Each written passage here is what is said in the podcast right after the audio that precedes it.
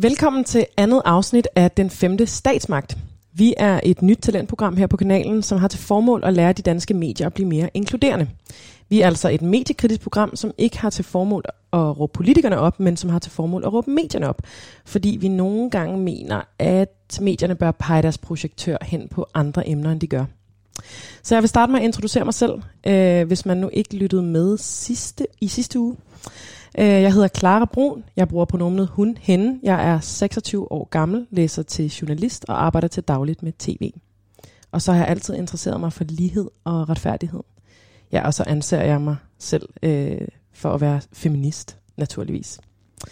Vanen tro, så har jeg besøg af en minoritetsperson her i studiet for at give os, dem, jer, et talerør. I den her uge er min gæst også min medvært, da jeg har fået en anden medvært end min sædvanlige Niklas, øh, fordi han skriver nemlig sin bachelor lige nu, og derfor er du, Nini Halberg Aschetto, med mig her i studiet. Men i vores program, der øh, introducerer nytilkommende sig selv. Så vil du ikke lige gøre det? Jo. Hej, jeg hedder Nini Halberg Echetu, som sagt. Jeg er 25 år gammel, og jeg bruger også pronomenet hun slash hende. Jeg er mixed race. Det betyder, at jeg er øh, halv etiopier og halv dansk. Jeg læser til daglig på RUK og har en bachelor i etiopisk feministisk aktivisme. Så naturligvis er jeg også selv øhm, feminist. Jeg interesserer mig enormt meget for kønsbaseret vold øh, globalt. Det betyder uden for Danmark, hvor jeg oftest har et udviklingsperspektiv i syd, sådan, Afrika syd for Sahara. Det er det, jeg beskæftiger mig mest med. Og så bor jeg her på Islands Brygge, hvor jeg er vokset op. Og her er vi jo i dag. Ja, her sidder vi i dag, fordi øh, dagens afsnit er lidt specielt. Man kan godt kalde det for et øh, covid-19 specialprogram, og det kan man, fordi øh, vi må ikke på Loud længere få gæster ind i studiet. Så derfor så har, øh, kommer dem, vi skal tale med i dag, til at være med på en telefon. Og det er også derfor, vi har sat sådan et lille intermistisk hjemmestudie op her hjemme hos dig, Nini. Mm. Og naturligvis så sidder vi øh, med to meters afstand og har spritet både bord og hænder og så videre. Mm-hmm. Øhm, som altid øh, så er retten til genmæle et vigtigt princip i den journalistiske håndbog. Så derfor så vil vi altid forsøge at fremlægge den kritik, vi retter mod medierne, til medierne selv hvis de altså vil tale med os. Øhm, og så skal vi også huske at sige her i vores introduktion, at vi naturligvis kommer til, fordi vi er mennesker, at begå nogle fejl, når vi laver de her programmer. Mm. Og vi mm. gør alt, hvad vi kan for at undgå det. Men det her er altså også en læringsproces for os. Så derfor så vil vi rigtig gerne kontaktes på Radio Louds Instagram af samme navn, Radio Loud hvis I lytter og mener, at vi ikke er enten hensynsfulde, inkluderende eller repræsentative nok i vores program. Yes. Og så skal jeg også huske at bringe en trigger warning. Uh, vi kommer til at tale i dag om drab, mor og vold mod kvinder. Så hvis du ikke har lyst til at høre om den slags, så skal du skrue ned for din radio nu. Ja. Men vi skal i gang, og jeg vil lade dig, Nini, præsentere dagens emne. Ja, dagens emne kan siges med et ord. Uh, femicides. Det er et uh, ret nyt eller ikke eksisterende begreb i Danmark. Det betyder øh, mor på kvinder eller kvindedrab, hvor at øh, der bliver begået et mor på en kvinde, oftest af en mand, og oftest i en privat konstellation. Det betyder af en partner eller et tæt familiemedlem, der begår det her drab på en kvinde. Og det her er en meget alvorlig øh, del inden for kønsbaseret vold, øhm, som jeg enormt gerne vil lægge fokus på i dag, fordi at jeg synes, det er enormt vigtigt, og jeg synes, der er nogle mangler i øh, vores danske mediebillede, billede, som faktisk kunne gøre rigtig meget for at forebygge det her. Øhm, og så på grund af corona, så er der faktisk øh, både FN og WHO har været ude at sige, at femicide, altså kvindemor, er en global pandemi. Altså sagen er død alvorlig, så at sige. Øhm, og det er den, fordi at det er stigende på grund af corona. Man ved jo, at kønsbaseret vold oftest stiger, når der er en krise i et land, øhm, eller i ens kontekst, og det er simpelthen fordi, at usikkerhederne stiger. Det betyder også, at psykisk vold i hjemmet stiger enormt meget. Det ved vi også i Danmark. Det fik vi også at vide i starten af corona, at det gjorde. Øhm, og den her afdeling af kønsbaseret vold, altså drab, kvindedrab, øh, det er noget, jeg føler, eller jeg mener, skal i talesættes øh, i sig selv, som dens form. Så du siger, det er, det er jo altid aktuelt øh, mm. at tale om det her, men det er ekstra aktuelt nu. øh, på grund af den øh, forestående og foregående ja. coronasituation. Ja. Og det bekræftede øh, vicedirektør i Møderhjælpen altså for os tidligere, da vi talte med Trine Schaldemose, som øh, fortalte mig, at de øh, under første nedlukning af Danmark oplevede en markant stigning øh, i de kvinder, som er kvinder, som havde brug for, for hjælp af møderhjælpen. Mm. Og at de desuden hørte det samme øh, fra krisecentrene rundt i landet. Men for at vi overhovedet kan tale om det her emne, er det vigtigt, at vi taler og lytter ud fra samme præmis, nemlig at det, som du også kommer lidt ind på, at der mm. er tale om, altså at vi ikke bare taler om mor generelt, og at der er forskel på, mor på kvinder og mor på mænd. Ja. Øh, som de altså, man altså har et, et udtryk for i udlandet, som hedder femicide, men som vi ikke rigtig har et ord for øh, i Danmark. Altså vi kan jo godt finde på ordet kvindemor, men mm. det er ikke sådan etableret. Wow, det er ikke udbredt i statistikker for eksempel. Nej, lige præcis. Mm. Og det kommer vi også til at, at vende tilbage til. Ja. En person, som ved rigtig meget om øh, mor på henholdsvis mænd og kvinder, det er øh, Asser Hedegaard øh, Thomsen, som har skrevet en Ph.D., der handler om mor begået i Danmark i perioden 1992-2016. Her har han systematiseret og kategoriseret alle morerne, og han øh, forklarer altså i en artikel til Politiken fra november 2020, altså i år, hvordan der er forskel på, hvordan øh, mænd og kvinder bliver, bliver slået ihjel. Han siger blandt andet, at hvis øh, offeret bliver dræbt med kniv, så bliver mændene typisk kun stukket én gang, mens kvinderne bliver stukket fem gange eller mere. Mm. Og der også er forskel i kønnene på, hvilken kropsdel man bliver stukket i. Øh, mænd bliver typisk stukket i selvforsvar, og kvinder bliver også ramt i flere regioner end mænd. Og at de stik, som henholdsvis mænd og kvinderne øh, har på kroppene, vidner om, at bevæggrundene fra den, der har begået mordet, har været forskellige. Mm som han siger, at mange øh, stikkende, af stikkende hos kvinderne viser stærk sindsbevægelse. Han siger også, at jalousi og skilsmisse er et kæmpe argument for baggrunden for, for partnerdrab, men at baggrunden selvfølgelig er forskellige. Og så kan han også godt se, hvis offrene har været udsat for, for vold og, øh, og, og forsøgt at søge hjælp inden, og det ser han typisk på de, de kvindelige ofre. Det er ligesom en retsmedicinsk måde at se på forskellen på mænd og kvinder, når, det, når vi taler mor. Mm. Øh, men du er jo med mig i dag, ikke ja. bare fordi du øh, gør mig selskab som medvært til at moderere den her snak, men også fordi du øh, har en kritik med. Mm. Så hvad udspringer din kritik fra? Hvis vi kan starte med øh, det, du refererer til med altså Hedegaard Thomsen, øhm, der kan man sige fra en samfundsmæssig eller sådan samfundsorienteret perspektiv, at, øh, at man kan antage, at det her det er kønsbaseret. Hvis man kan se de her direkte forskelle. Og det er egentlig der, det min kritik kommer af. Ja, for du har nemlig mm, noget med. Det har jeg. Jeg har øh, en artikel lavet af World Economic Forum med, øh, som, ref, som er en artikel, der refererer til en rapport, de kom ud med i år, altså World Economic Forum kom ud med i år, i 2020, som er 371 sider lang. Og i stedet for at tage den med, så tog jeg artiklen med. Det er vi det. rigtig taknemmelige for. og øh, i den, der de går simpelthen ind på global plan og prøver at belyse, hvor alvorlig femicides er i verden. Og der siger de blandt andet, at øh, hver time bliver der dræbt seks kvinder verden over af, øh, af en mand, altså oftest en partner eller en tæt familiemedlem. Og det betyder, at der er 371 kvinder, der bliver dræbt om dagen, og 50.000 kvinder, der bliver dræbt om året. Altså af kønsbaseret drab, altså femicides.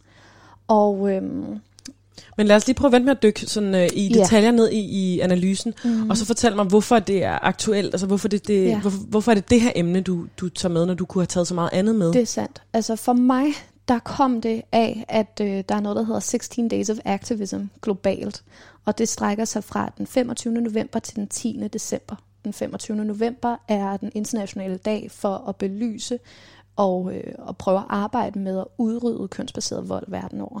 Det er et øh, globalt fænomen, man bruger meget uden for Danmark. Man bruger det i det FN, der har der startet det op. Derfor bruger man det rigtig meget i udviklingskontekst. Øh, man bruger det enormt meget i aktivistgrupper i Afrika for at sætte fokus på det. Og ligesom øh, nominere de her 16 dage til kun at sætte fokus på de mange, mange emner, der er, der, der er inden for kønsbaseret vold, som er problematiske i vores verden. Og der er femicides en særskilt kategori, som der er blevet sat enormt meget fokus på globalt i år. Og det er der blevet, fordi at FN øh, sagde, at femicides er en global pandemi, og så man kalder til, at alle nationer verden over begynder at tænke på det her som et strukturelt eller samfundsmæssigt problem inden for ligestilling. Øhm, og det har de gjort, fordi tallene er så, er så slemme, og fordi at det vokser i nogle dele af landet, eller af verden. Man har set det vokse i Tyskland og England blandt andet. Man har set det vokse i Spanien og i mange dele af Sydamerika, blandt andet Mexico og Argentina. Og derfor kunne man sagtens sige, at hvorfor skal vi så putte Danmark i den samme kategori? Jamen, det er ikke det, jeg efterspørger, men min kritik går ud på, at vi i Danmark har en pligt, fordi vi har underskrevet menneskerettighedskonventionen, fordi vi er en del af FN, og hører FN's påbud.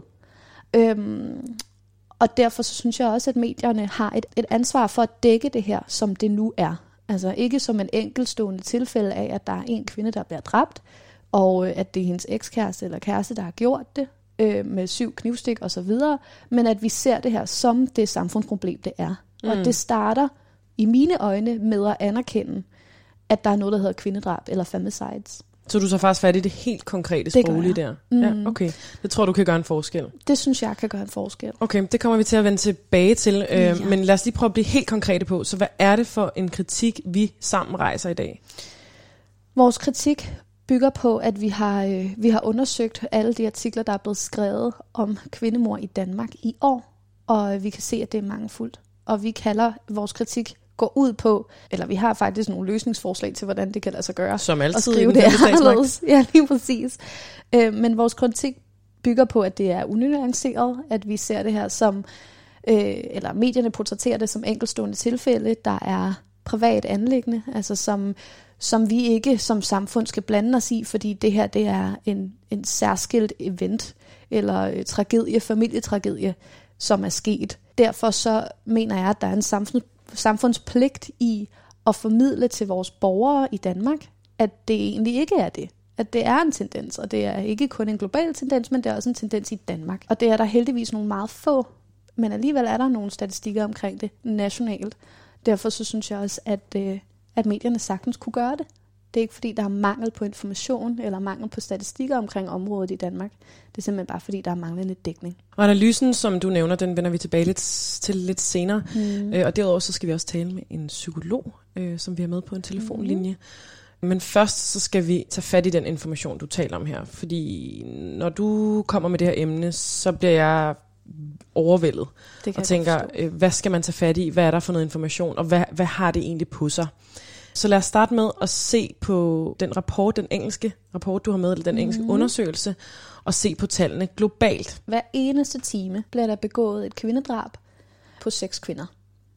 Og det... Ifølge den her rapport ifølge, fra World Economic Forum. Lige præcis. Og det er blevet underbygget af både FN og WHO, altså World Health Organization. De går ind og kommer med nogle eksempler, som for eksempel, at hver tredje dag dør der en kvinde i England af samme årsag, altså hvor det er en kønsrelateret drab, som er det femicide betyder. Der er nogle forskellige kontekster, afhængig af hvilket land man dykker ned i, eller hvilken region man dykker ned i. Det man kan se, det er, at det her er, en, det er et kønsrelateret problem. Det er også derfor, man selvstændiggør det fra, øh, fra andre drabsformer, altså kriminelle drab, drab osv. Så, så de er gode til at selvstændiggøre det i udlandet? Det er de, de andre lande end Danmark? Ja. Okay. Øh, har du nogle andre tal fra rapporten, som vi skal hæfte os særligt ved? Jeg synes, vi skal hæfte os ved, at øh, jeg synes egentlig ikke, at det er tallene, men mere det her med, at FN siger, at corona overskygger den anden pandemi, vi har i verden, som er kvindedrab. At de ser det som så grusomt. Øhm, og det kan jeg godt forstå, fordi jeg synes også, at 50.000 kvinder årligt, der bliver dræbt udelukkende på grund af det her, ikke af andre årsager, men udelukkende bare det her, er meget, meget slemt. Og det er ligesom den værste side af det, vi ellers snakker om i, i ligestillingsdebatten. Altså, der er det her nok det, den værste kategori, vi kan tale om, ikke? fordi det gør så ondt. Så FN kalder det simpelthen for en, en pandemi, det FN her med? FN kalder det for en pandemi. Okay. Og det gør de, fordi at de siger, at de kulturelle normer, vi har inden for kønsulighed, de usynliggør det lidt i vores samfund. Og det gør de blandt andet, for eksempelvis i Danmark, ved at man ser det som familietragedier, eller man ser det som enkelstående tilfælde. Det er fordi, ifølge FN, fordi vi har nogle normer, der gør, at vi ikke at, at det bliver usynliggjort, og det ikke bliver tydeliggjort nok for os, fordi der er en magtstruktur inden for, inden for nu er det måske en partnerrelation mellem en mand og en kvinde, øhm, som breder sig ud til resten af samfundet, som gør, at det er enormt svært at ændre på. Og derfor, lige præcis fordi det er svært at ændre på, det er jo der FN's opgave er at sige, kom nu nationer, vi bliver nødt til at gøre det. Øhm, de kommer også ud med, øh, at siger i vestlige Europa, altså i vores del af verden, der er det cirka 22 procent af alle drab, der bliver begået på den her måde. Og hvis man sammenligner det med tallene med da- i Danmark, som Justitsministeriet kom ud med, der står der, at 23 procent af alle partnerdrab er, eller 23 procent af alle drab er partnerdrab i Mm. Danmark årligt. Og det er altså højere end kriminelle drab, som kun er 11 procent. Øhm, men det ved vi godt er, er sin egen kategori, og det kan vi sagtens problematisere, at man i bandemiljøet eller det kriminelle miljø, at det her det sker. Men det er altså kun 11 procent af alle drab, der foregår i Danmark, hvorledes 23 procent er partnerdrab. Og i det er det sådan 89 procent, der er, øh, der er en femicide, altså der er et drab mod kvinder, på grund af det, at de er kvinder. Okay. Så tallene, både globalt og i Danmark, er alvorlige. Vil du lige prøve at skære det her med de 11% ud i pap, Ja. øh, hvis du lige skal prøve at forklare det til en, som ikke er sat ind i den her rapport? Ja, okay. Så Justitsministeriet kom ud i 2020, altså i år, med en rapport, hvor de prøver at kategorisere alle mor, altså alle drab, der bliver begået i Danmark. Og der har de nogle forskellige kategorier, øhm, som de inddeler det i på baggrund af teori og på baggrund af det, de ved, selvfølgelig. Og noget, som er meget udbredt viden i Danmark, det er, at vi har et issue med drab, der foregår i et kriminelt miljø, eller vold, der bliver begået i det kriminelle miljø. Og der har Justitsministeriet så regnet sig frem til, at det kun er 11 procent af alle drab i Danmark, der bliver begået inden for den kategori, altså inden for det kriminelle miljø. Modsat, så inden for øh, drab, der bliver begået af en partner mod en anden partner, der er det 23 procent af alle mor. Altså en fjerdedel af, næsten en fjerdedel af alle mor, der bliver begået i Danmark, det er, øh, det er en partner, der dræber deres partner. Det er en oftest, og det er der, hvor at størstedelen af det, der er det mænd, der dræber deres partner, som er en kvinde. Men der tænker jeg bare som, som medieforbruger, mm. øh, mediebruger, så tænker jeg, men vi hører jo rigtig tit om mor, der sker i kriminelle miljøer. Ja, præcis. Så, hvad tænker du om det? Jeg synes, at der er i hvert fald en skævvridning i, øh, i realitetsbilledet i vores samfund. Netop som du siger, vi hører enormt meget om, at der bliver begået et mor i et kriminelt miljø. Mm. Og det kan vi så bruge et andet podcast til at finde ud af, hvorfor vi gør det, og hvorfor medierne vælger at gøre det. Øhm, men det er også derfor, at jeg mener, at derfor så burde man tage de 23 procent, altså at næsten hver fire drab er mellem en partner, og oftest mellem en mand, der dræber en kvinde, det burde måske også kategoriseres, og det burde måske også skrives om i samme, øh, på samme måde, altså med at vi forstår det som et, som et ægte problem i vores samfund, altså et samfundsmæssigt problem, i stedet for et privat anlæggende eller en familietragedie. Fordi som du siger, vi ved jo ikke noget om det, vi aner ikke, at der sker så mange drab på kvinder i vores land. Og det ved vi jo ikke, fordi medierne ikke dækker det. Og når du siger, vi ser det som en familietragedie, så når du siger vi, hvad mener du så? Jeg mener medierne. Ja, okay. Så hvis du lige skal give os nogle tal, øh, som vi kan, øh, som er lidt tættere på os, mm-hmm. som ikke er på det her, øh, det er lidt uhåndgribeligt, når vi taler på Lige global præcis. plan. Men hvis vi lige skal blive lidt mere nære, hvad ved vi om kvindemord i Danmark? Så vi ved, at i gennemsnit hvert år er der mellem 10 og 12 kvindedrab i Danmark. Det Som er bliver begået af partner, som, som bliver begået af partnere, som er en mand. som er en mand. Okay. Øhm, altså, er der, Så- altså, kan vi få nogle andre billeder på det? Mm. Så, for det er meget, meget svært ligesom at, at begribe de her tal. Det er jo det. Øhm, og derudover så ved vi så, at det næsten er en fjerdedel af alle drab, der bliver begået årligt i Danmark. Vi, jeg har forsøgt, fordi at der nu ikke er så meget, så meget information omkring det. Det er jo også derfor, at vi er her i dag for at kritisere, at der er manglende information omkring det. Mm. Jeg har simpelthen googlet mig frem til ni mor, der er sket i år. Øhm, og det har været en rigtig svær opgave at finde frem til det, fordi at det er enten blevet skrevet om i ja, Ekstrabladet eller BT, eller i lokalaviser omkring den region eller kommune, det nu er, blevet, det nu er sket i.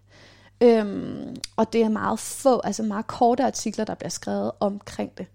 Der mm. bliver skrevet om øh, politi efterforskningen, og der bliver skrevet om, hvorvidt gerningsmanden er blevet varetægtsfængslet eller ej, og hvor mange knivstik det nu er.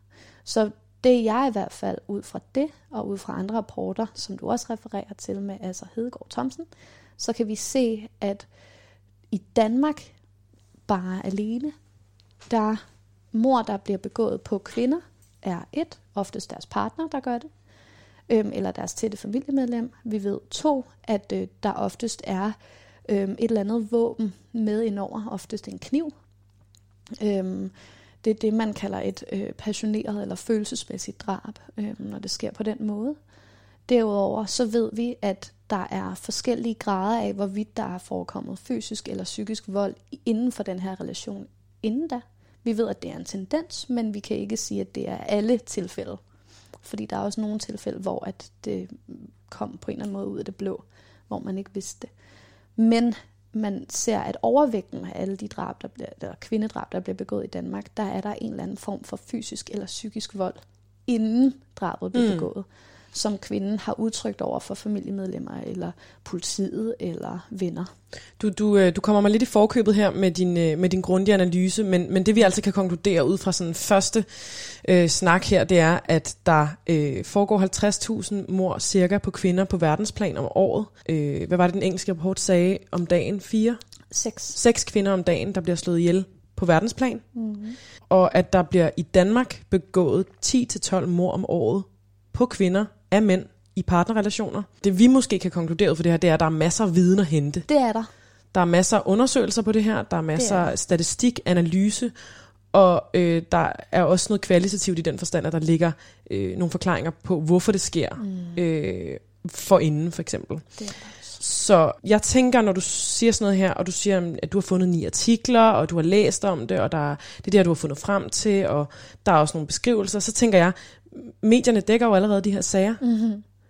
Eller hvad? Altså, fordi det er jo mor. Det er jo noget af det, det er jo det mest alvorlige mm. overhovedet. Så øh, selvfølgelig dækker de det. Øhm, ja og nej. Altså, ja, de dækker det enkeltstående mor i en headline-historie.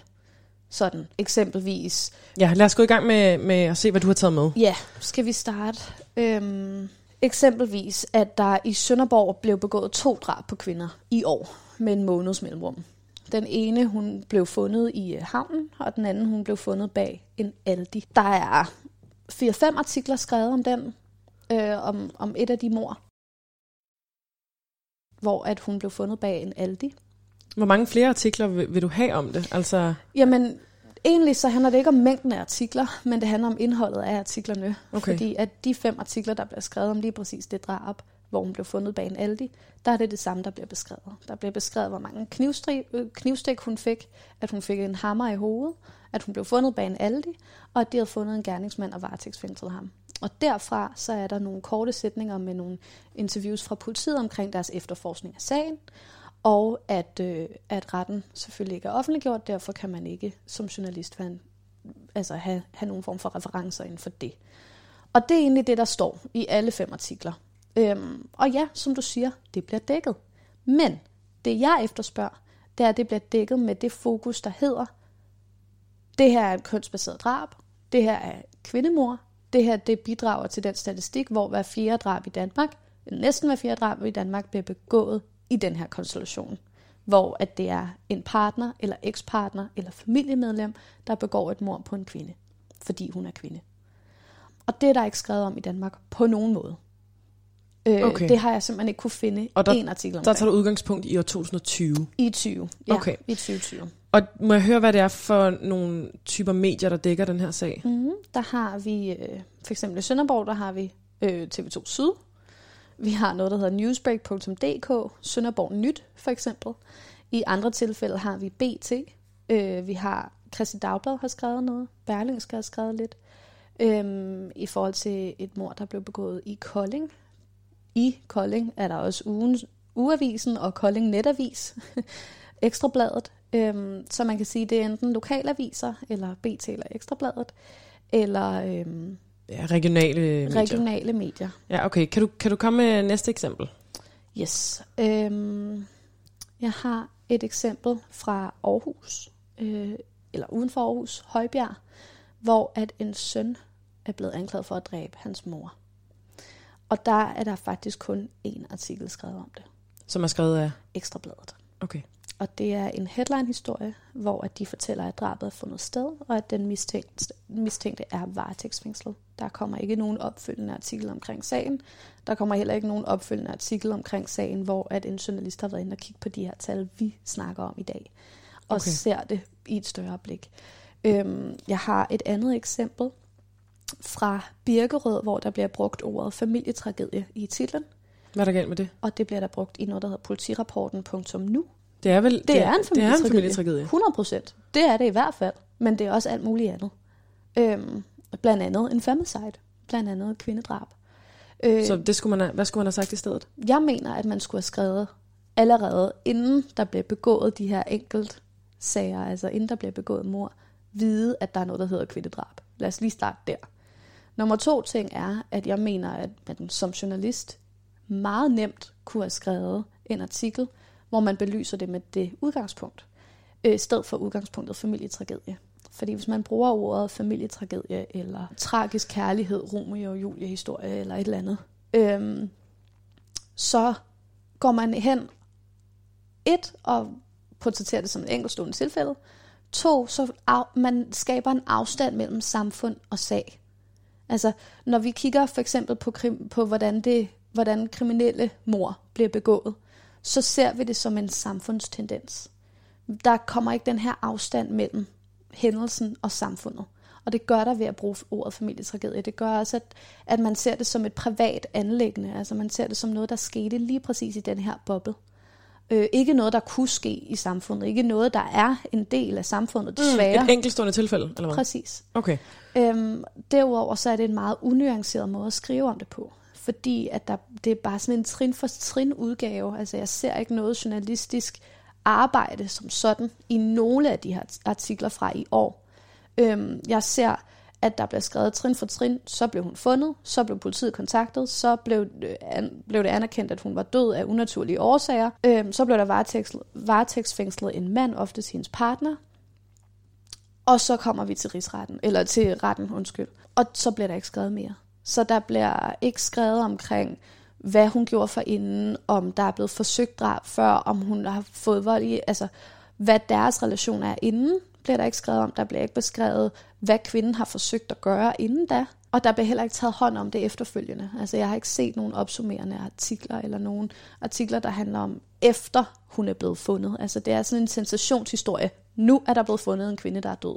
Okay, altså når vi retter en kritik her, så kan jeg rigtig godt lide, at vi bliver kon- konkrete. Øh, så jeg kunne godt tænke mig nogle flere eksempler. Jeg kan tage udgangspunkt i en i Køge, der skete i år, øhm, hvor at to unge mænd, 20, henholdsvis 20 og 24 år, de begår et drab på en kvinde, der er 20 år gammel. Og hun blev fundet i sin lejlighed. Og de her to mænd er så blevet sigtet for drabet og er blevet fængslet. Der står ikke andet i nogle artikler omkring den fra Køge end det. Okay. Synes du det, altså, er det, er det nok information? Nå, men jeg tænker, de har vel forsøgt at, at undgå at være tabloidet ved at give for mange eksplicite detaljer. Ja, det kan man sige. Man kan også sige, at de ikke har set, at det her er et samfundsmæssigt problem. Vi kunne blive ved med at snakke om de her ni artikler og gå i detaljer med dem. Det, mm. det er jo ret tydeligt, at du har øh, en masse eksempler med, men kan du prøve at sige noget om fællestrækkene? Altså noget, ja. noget konkluderende, noget opsummerende om de her øh, artikler, du har med. Yes. Der kan jeg sige, at et, det bliver skrevet, skrevet som et enkeltstående tilfælde. Altså, der kommer ikke nogen sammenligning til andre mor. Og måske er det ikke det, der er nødvendigt, men det kommer der i hvert fald ikke. Det, og det gælder i alle artiklerne? I alle artikler. Okay. Udover den i Sønderborg, hvor der selvfølgelig bliver refereret til, at der blev fundet en kvinde en måned forinden, som også var dræbt af hendes partner.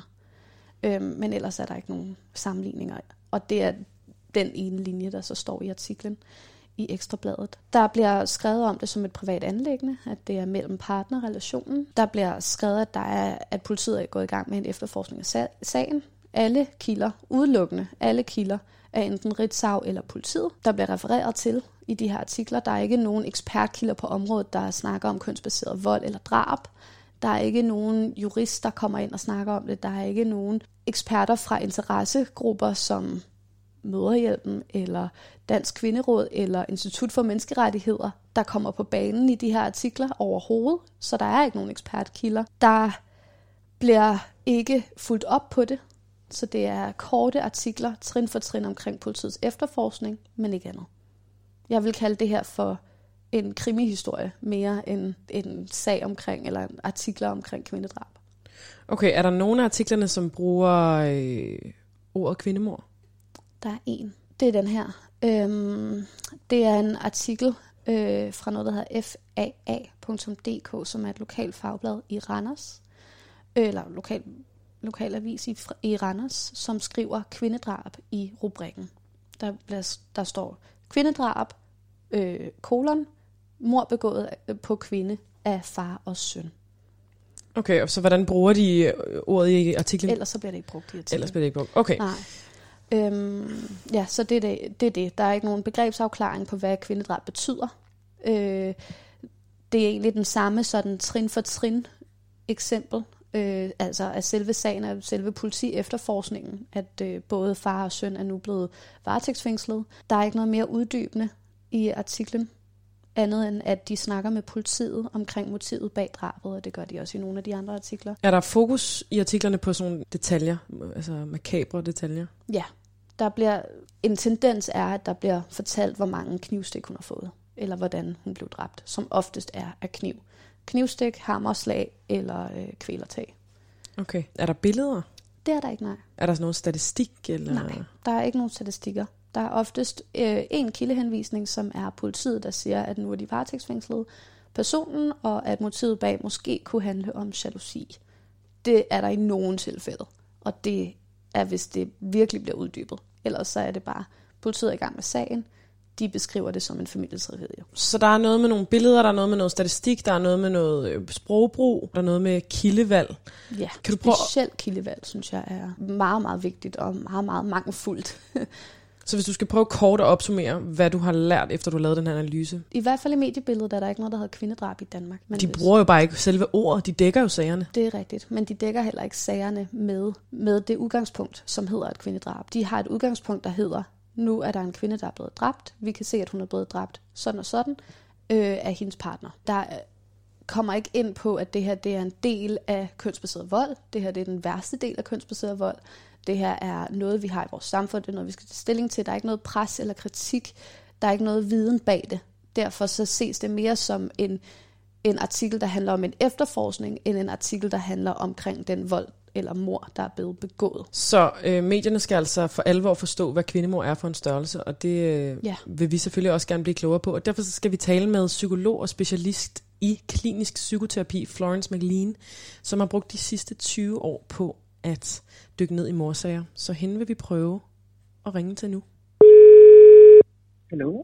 Goddag, Florence. Du taler med Clara Brun. Jeg ringer ind fra Radio Loud. Ja, hej så. Hej, tak fordi du vil tale med os her i studiet. Der sidder vi altså, mig og jeg er journalist, der hedder Clara Brun, og så sidder vi Nini Halberg Ashetu, som har taget den her øh, kritik med til medierne, der handler om kvindemord. Så nu vil vi stille nogle spørgsmål, hvis vi må øh, kaste os ud i det. Det gør I bare. Vi vil starte med at spørge dig om øh, det, vi har startet programmet med at tale om, og det er, hvorfor vi skal skelne mellem vold mod, eller drab øh, på mænd og drab på kvinder. Ja, om vi overhovedet skal det. Altså. Ja, om man overhovedet skal det. Ja, altså det her med femicide, som jo øh, for mig i hvert fald er et nyt begreb, og jeg stødte faktisk først på det, da jeg tog min uddannelse som criminal profiler. Hmm. Og det, det handler om, det er jo det her med, at det faktisk er rigtig vigtigt at skænde imellem, hvorfor er det øh, folk er slået ihjel, og specielt kvinder. Og i USA og i Mexico er det sådan, at øh, man skal faktisk undersøge alle kvindemor for at se, om det egentlig handler om femicide, altså det her med had mod kvinder. Og det er jo partnervold eller partnerdrab. Det er jo rigtig tit, fordi der ligger noget had til kvinder. Der ligger også noget omkring magt og kontrol, og det her med at eje kvinden, som er ekstremt vigtigt at se på. Alt i alt er det altid vigtigt at undersøge, hvorfor er det, man er blevet slået ihjel, for at finde ud af, hvem det er, der har slået en ihjel, men endnu vigtigere for at kan forebygge, så det ikke sker igen. Men nu taler du om udlandet. Øh, er det vigtigt at skelne mellem mor på kvinder og mor på mænd i Danmark? Ja, det er nøjagtigt det samme billede. Jeg tænker, det er rigtig vigtigt, at vi øh, for det første, så når det sker, så er det noget, vi skal have øh, tage fokus på. Det kan være i medierne. Det er vigtigt, fordi hvis vi ikke har fokus på det i medierne, så kan vi faktisk ikke gøre noget. Mm. Det vi har, og det der er vores talerør, det er, at vi kan putte det op på en forside eller på tv, så alle folk kan se, at det her faktisk er et problem det er, at vi skal undgå, at de her drab sker. Vi er jo et mediekritisk øh, program, og derfor så er det dem, vi ligesom kan rette øh, vores kritik mod i, i dag. Men du siger noget med, at det skal på forsiderne. Det øh, synes jeg jo umiddelbart lyder som noget, som du har kritiseret, hvis øh, de her mor bliver smækket op på forsiderne på øh, spisesedlerne på, hmm. ude på fortovene. Det, det lyder da netop som noget, der er, hvad siger man, tabloidt. Det kommer an på, hvordan det bliver vinklet. Og jeg tror også, det er det, Lige præcis. du mener, Florence, det her med, Lige at, præcis. at der er en vinkling, der handler om vores ansvar og vores forebyggelseselement, og hvordan det her kan forebygges, sådan så at vi bekæmper det i Danmark. Fordi... Lige præcis. Fuldstændig rigtigt. Og det, der netop også er rigtig vigtigt, det her med vores alle sammen, altså partnerdrab, det er ikke et privat problem. Det er et samfundsproblem. Det er et problem, som vi alle sammen skal have fokus på, og vi skal ture og sætte ord på, vi skal ture og sige, hov, der er noget her, der ikke så er, som det skal være, i stedet for at lukke eller vende det blinde øje og sige, jamen det er bare, øh, det er privat, det er imellem mand og kone. Nej, det er der ikke noget, der hedder. Mm. Der er ikke noget, der hedder privat. Tit så er der tegn, før der er rigtig mange tegn, hvor man kunne have sagt, her, der skal vi altså sætte ind, og det er vigtigt at hjælpe de her kvinder, for ofte så kan de ikke selv komme ud af det de har rigtig meget brug for hjælp. Det er vigtigt, når man så har lavet sådan en artikel, så skriver man, hvor kan de søge hjælp til? Hvor skal man gå hen? Fordi rigtig tit, så ved man ikke, hvad man skal gøre med, sin, med sin information. Så rigtig mange, de aner ikke, hvad de skal gøre ved det, og så lægger de det bare fra sig. Og det er der, det nemmeste. Der kunne medierne gøre en forskel. Lige nøjagtigt. Altså pege dem hen på, for det første, det her det er vigtigt, og når du hører det her, jamen heller en gang for meget end en gang for lidt. Der er rigtig mange, der siger, jamen hvad nu hvis jeg går ind i, øh, øh, i, i og, og ødelægger noget, fordi at der måske ikke var noget om det. Du ødelægger aldrig noget. Jeg tænker jo, jamen der er sket, øh, ud fra vores perspektiv, er der sket øh, ni kvindedrab i Danmark i år. Og der er skrevet ni artikler om det. Og der er endda skrevet mere end ni artikler okay. om det. Hvor Nini så siger, jamen, de er ikke skrevet på den rigtige måde. Ja. Hvor jeg tænker, hvad vil I så have? De er jo dækket, de her sager vi har jo nogle af de frivillige øh, øh, institutioner, som faktisk rigtig mange gange er gode til at komme ud, men af en eller anden grund, så når de ikke ud over kanten. Mm. Og det er jo selvfølgelig, jeg tænker, der er flere grunde til det. Den ene ting er, at jeg tror faktisk også, det er rigtig svært. Fordi det er sådan, at det vi interesserer os mest for, det er sådan de eksotiske drab. Det er fjerndrab, bandedrab. Øh, nu har jeg selv beskæftiget mig med seriemor. Der er rigtig mange, der beskæftiger sig med seriemor. Mm. Virkeligheden er, at der er 0,0001 risiko for at blive slået ihjel af en seriemorder, ja. men at blive slået ihjel af din øh, partner, der er faktisk en stor øh, øh, risiko, øh, hvis man ser på det. Og jeg tror, det handler om, at når det kommer for tæt på, det bliver for virkelig, det her kunne faktisk mm. øh, ske for mig, så bliver vi for bange for det, og så ser vi det ikke. Så ser vi ikke på det. Ja. Så man skal tvinge folk til at have fokus på det ved at gøre det måske mere, nu ved jeg ikke, hvordan de der artikler er skrevet, men spiseligt, men også blive ved med kontinuerligt at påpege det. Mm. Vi skal gøre det igen og igen og igen. Ja. Og vi skal ikke have sådan en, en, en situation, hvor det blusser op, og så er man helt op og køre, og så blusser det ned igen, så glemmer vi det. det men det. det her med bandekriminalitet, det bliver dækket og bliver snakket om ja. inden ved øh, politikerne, for det er der, vi skal ind. Ja, det og det sjovt. gør det, fordi, ja, og det gør det, fordi vi har nogle mennesker, som bliver ved med at have fokus på det. Mm. Så vi har brug for en her af folk, som bliver ved med at sige, vi det kan ikke tro, at det bare sker ved at skrive Det er nemlig også det, jeg sagde. Jeg sammenlignede det med nogle tal fra Justitsministeriet om, at 11 procent øh, af alle mor i Danmark bliver begået i et kriminelt miljø mens 23 procent mm. af alle drab i Danmark bliver begået i hjemmet, altså mellem partner. Ja. Jeg kan lige opsage her, det jeg sagde til Clara, ja, lige, vi der er rigtig mange Fordi alle de artikler, jeg har læst omkring de ni sager, jeg har fundet frem til, mener du, sket i år, at man at øh, man i som er stedet for kun at have en kilde, der som var betyder det altså, et rigtig svært for mig at finde alle de her med sager, i sådan en eller artikel. de bliver skrevet om som en del af Jamen en det, der øh, har du jo øh, Altså, der lige præcis fat i noget af det, der er vigtigt. Det er nemlig vigtigt, at man der hører også, altså der er nogle talsmænd sit- for kvinderne, er øh, fordi de kan jo tit så har de ikke muligheden for at komme til ord. Det er der flere grunde til. Det er meget sjældent, at man ser nogen stille sig op og sige, jamen nu skal I høre her, det sker også for mig, fordi jeg har også sådan og sådan. Nogle gange så har man kunnet snakke med nogen efterfølgende, når de er kommet over det. Men problemet er, at rigtig mange af de her kvinder her, de, de er jo traumatiseret over længere tid, og det er øh, oftest forhold, hvor mændene dominerer dem Mm. øh, på en voldsom måde, så de ikke selv kan komme til ord. Så det nogle af de her organisationer kan, det er, at de kan stille sig op og tale kvindernes øh, sag. Mm. Og jeg ved i hvert fald her under øh, øh, coronakrisen, der var der faktisk nogen ude at sige, prøv at høre her, op, I skal være opmærksom, Ja. opmærksom på, at nu er kvinderne altså i fare, dem der ikke har det specielt godt derhjemme, fordi manden er lige pludselig derhjemme, frem for at gå ud og måske Mm. slås med nogle andre, så alle aggressionerne? Lige præcis, Ja. så det er, øh, og, og det er jo rigtig godt, at der er nogen, der sådan kan sige, vi ved, og vi hører, at sådan og sådan, i stedet for, at det er en, der står og siger noget. Der er jo også en tendens til, når vi hører en enkelt person, så sidder man og tænker, åh ja, men hun er måske også, og det Mm. kunne jo også være, at hun selv... Altså, så begynder Ja, man at lave Man de her... at digte, ikke? fordi man ikke ved noget om det. Præcis. Lige endnu Også, et- ja, fordi, og også fordi man er bange for det. det Ja. altså, der er jo Der også en mekanisme, der gør, at man bliver lige præcis. Mm. Og så hvis man giver kvinden skylden, så behøver man ikke tænke mere over det, for det, er hendes skyld, og hun jo kunne bare have ladet være hun med. kan jo ikke tale for sig selv. Lige præcis. Men lige endnu et spørgsmål, fordi du snakkede om fascinationen af seriemordere, eller øh, mord, der bliver begået i et kriminelt miljø. Hvis vi nu øh, prøver kun at snakke om kvindedrab, hvad tror du fascinerer os ved kvindedrab? Så det, jeg oplever, når jeg snakker med folk, det er mere, at det er uhyggeligt. Og det er Ja. sådan, øh, altså, Okay. det er sådan, puha, det er lidt ligesom voldtægt også. Uha, jamen det, altså, vi vil helst Ja. ikke beskæftige os med det. Men hvis vi er ude i almindelig kvindedrab, altså hvor det for eksempel er fjerndrab, så er der altså et andet øh, fokus og interesse for det, fordi det er spændende på en anden måde. Tværtimod, så synes jeg, at folk, de, øh, de vil helst ikke øh, ind på det. Okay, men der, er- man kan vel godt sige, at der er en fascination af sådan noget som True Crime, også med Mørkeland podcast, der er kommet, og folk de, de Helt køber, sikkert. True køber crime, krimier ja. i, i hobetal. Ja, ja, ja. Men der skal være en krimihistorie i det. Hvis jeg nu, altså, så er lidt hård, ikke? Hvis det bare er en mand, der har slået sin kvinde ihjel, fordi at han er jaloux. Det fascinerer ikke. Der skal være noget i historien, som er enten øh, eksotisk, eller der skal være en historie af, så begår han selvmord selv, eller øh, han øh, skyder børnene, eller en eller anden plot, eller en historie på det.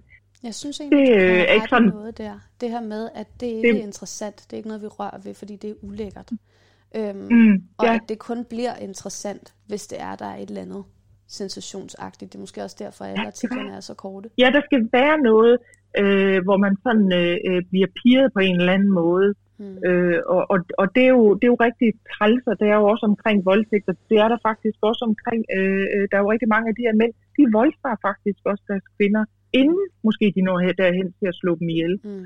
Og det er noget, vi har, øh, øh, vi har også rigtig svært ved at gøre noget ved det, fordi det foregår, eller følelsen er, at vi har svært ved at gøre noget ved det, fordi det foregår hjemme hos nogle andre.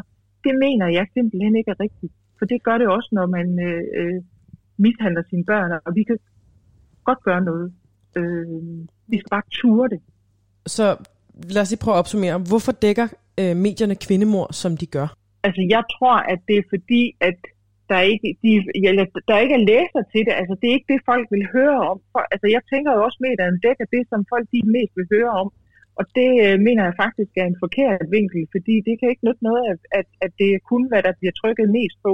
For jeg tror faktisk også, det er noget, altså når jeg siger trykket på, det er de link, der er. Mm. Det tror jeg faktisk er en del af det, at man øh, også kigger på, hvad læser folk, og, og hvad ser de, og hvad hører de. Øh, Så der er faktisk et, et kommercielt og et økonomisk Ja, det perspektiv tror i det jeg. her.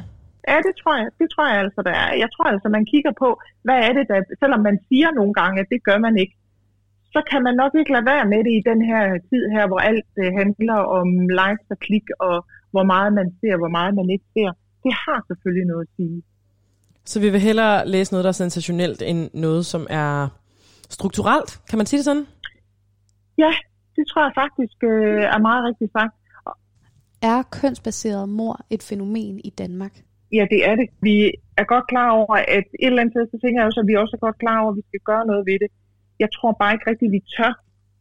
Og måske fordi vi til dels er lidt bange for det, fordi det bliver lidt for øh, personligt, eller lidt for tæt på, frem for noget, som sker øh, hos nogle bestemte øh, øh, øh grupper, eller nogle bestemte personer, som vi ikke er en del af.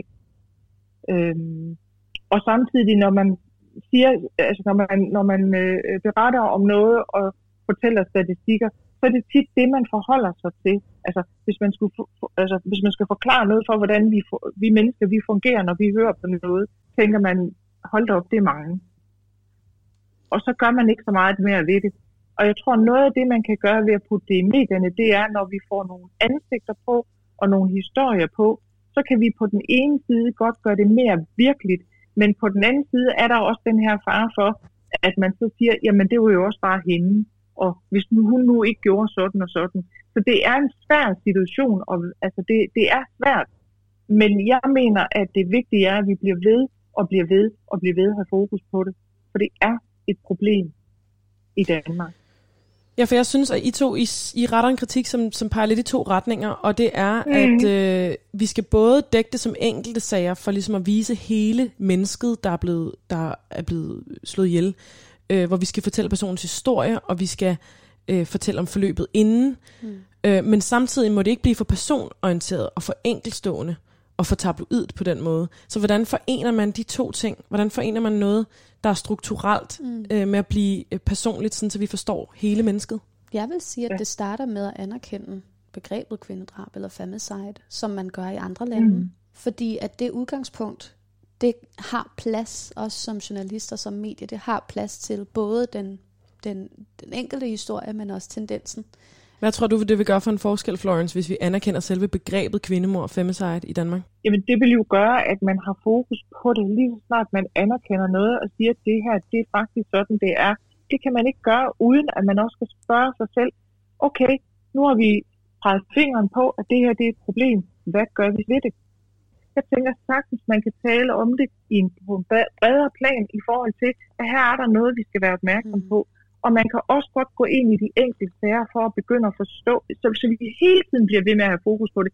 Ikke kun lige fordi, nu er der lige sket et eller andet øh, forfærdeligt øh, i Nordjylland, eller hvor det kan være, mm. men det skal være generelt, at vi skal have fokus på det. Man kan godt forene det at blive personlig og fortælle om hele mennesket, for at vise mennesket respekt, yes. og så samtidig inddrage statistik, analyse og påpege, ja. på den måde påpege det samfundsmæssige problem. Eller omvendt faktisk, ikke? At man kan starte med det samfundsmæssige problem, og så bruge det enkeltstående tilfælde som eksempel. Ja, man kan ja gøre det. det er rigtigt. Ja, ja, man kan gøre Og jeg tænker, du har fuldstændig ret. Det er jo vigtigt, at man får øh, sagt højt, at det her det er et problem. For jeg tror ikke nødvendigvis, folk er klar over, hvor mange øh, øh, der, der faktisk bliver slået ihjel af deres partner. Jeg tror faktisk ikke. Jeg tror, folk de tror, det er langt værre mm. øh, med bandekriminaliteten. Det øh, har de en idé om, at det er der, eller terror for den sags skyld. Men, men det her med, at, øh, at det faktisk er øh, der, det, det er den største risiko for at blive slået ihjel, det er faktisk af din partner. Det tror jeg faktisk ikke, folk er øh, øh, særlig bevidste om. Tusind tak. Tusind tak, fordi du har lyst til at tale med os. Ja, velbekomme. Jeg håber, I kan bruge til noget. Ja. Det kan vi absolut. Vi er blevet, øh, vi er blevet klogere. Det er godt. Rigtig god dag til dig. Øh, ja, og i lige måde. Tak for det. Hej. hej. Skal jeg lige opsummere den lange snak? Ja, vil du ikke det? jo. Øhm, et, man skal anerkende begrebet kvindedrab i medierne. Og det skal man for os at sætte sig ud over de enkeltstående tilfælde. Altså vi skal ud over den her diskurs, hvor at, øh, det er en familietragedie eller en Romeo og Julie historie. Eller den modsatte, som er, at det kun er en, en politi efterforskning eller en krimisag. Og det skal vi, fordi at det er et, et så alvorligt problem. Det skal vi også, fordi at øh, kvinder oftest bliver udsat for fysisk og psykisk vold i hjemmet inden da. Og øh, som Florence også sagde, man kunne jo sagtens skrive en artikel, der handler om, hvad man kan gøre. Altså netop putte altså en ekspertkilde ind, der, der arbejder med det her til daglig. Ikke kun politiet, men interesseorganisationer. Man kunne også som medie snakke om, hvad man kan gøre som borger. Så kan der skabe en større vidensforståelse hos borgere omkring, hvad det er, sådan så vi ikke er så bange for det, sådan så det ikke bliver så tabubelagt, som Florence nævnte, men også sådan så vi kan politisere det. Og netop være en del af FN's opråb om, at alle nationer simpelthen bliver nødt til at tage stilling til det her og gøre noget aktivt for at bekæmpe det svaret må være, at man kan godt lave journalistik, som både er personligt og, og fokuserer på det strukturelle. Det kan man nemlig. Fordi det ene udelukker ikke det andet.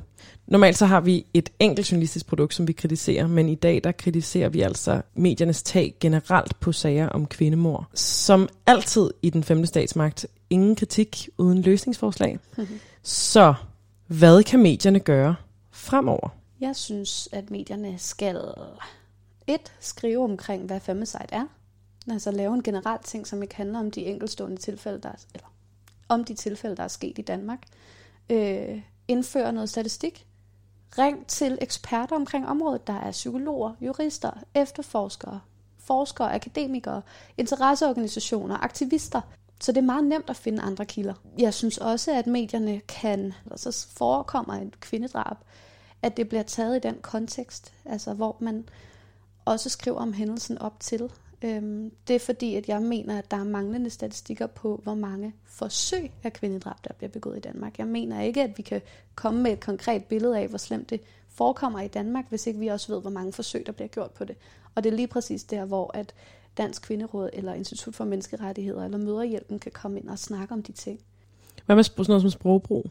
Ja, at bruge ordet familietragedie. Det går hen og skaber en afstand og skaber netop det, som Florence nævnte, om at det er en privat ting, der sker mellem lukkede døre, og det er et særtilfælde. I stedet for at skabe den viden til borgerne, som er, hvis du er kvinde, så er der meget, der er større sandsynlighed for, at du bliver dræbt af din partner end noget andet.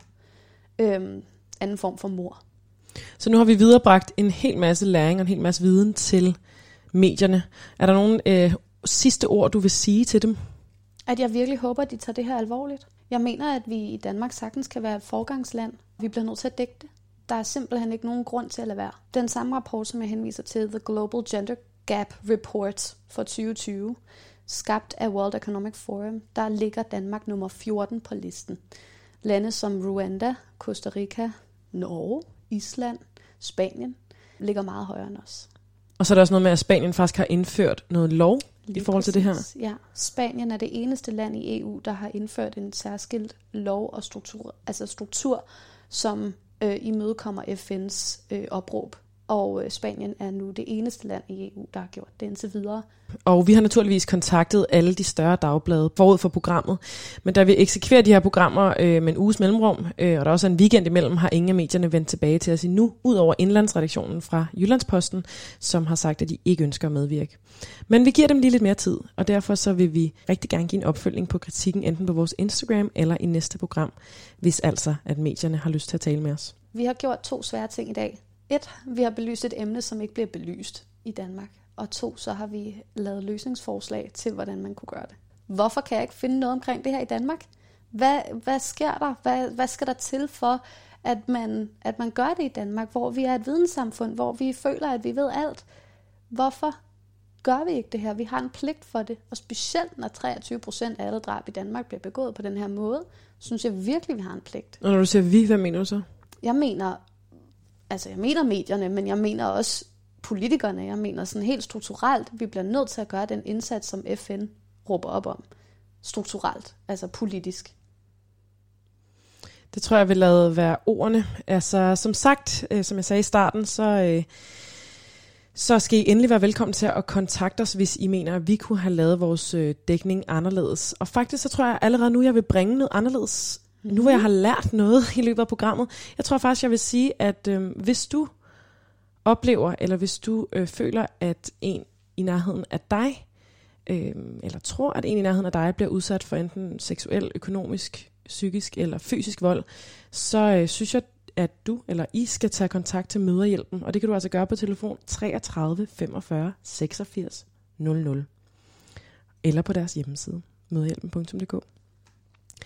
Så tak til Nini, fordi du har lyst til at gøre mig selskab i dag. Selvfølgelig. Tusind tak, fordi jeg måtte. Det kan være, at vi får, øh, får mere at høre fra dig. Ja, det kan være, at jeg får lov igen. Nu må vi se. Nu må vi se. Tak fordi I lyttede med. Tjek gerne vores Instagram. Vi kan indtil nu, eller for nu, kontaktes på Radio Loud, og vi vil rigtig gerne høre fra jer, uanset om I har ris eller ros. Fordi som jeg plejer at sige, så er kritik en respekt, fordi det er et ønske om at ville forbedre hinanden. Mm. Meget storladent. Alternativt, øh, alternativet er at være ligeglad, og det er jo det værste, man kan være. Så øhm, skriv endelig, og vi høres ved, og det gør vi faktisk først efter jul og nytår, fordi vi skal jo også på juleferie, og derfor så høres vi ved lørdag den 9. januar kl. 11.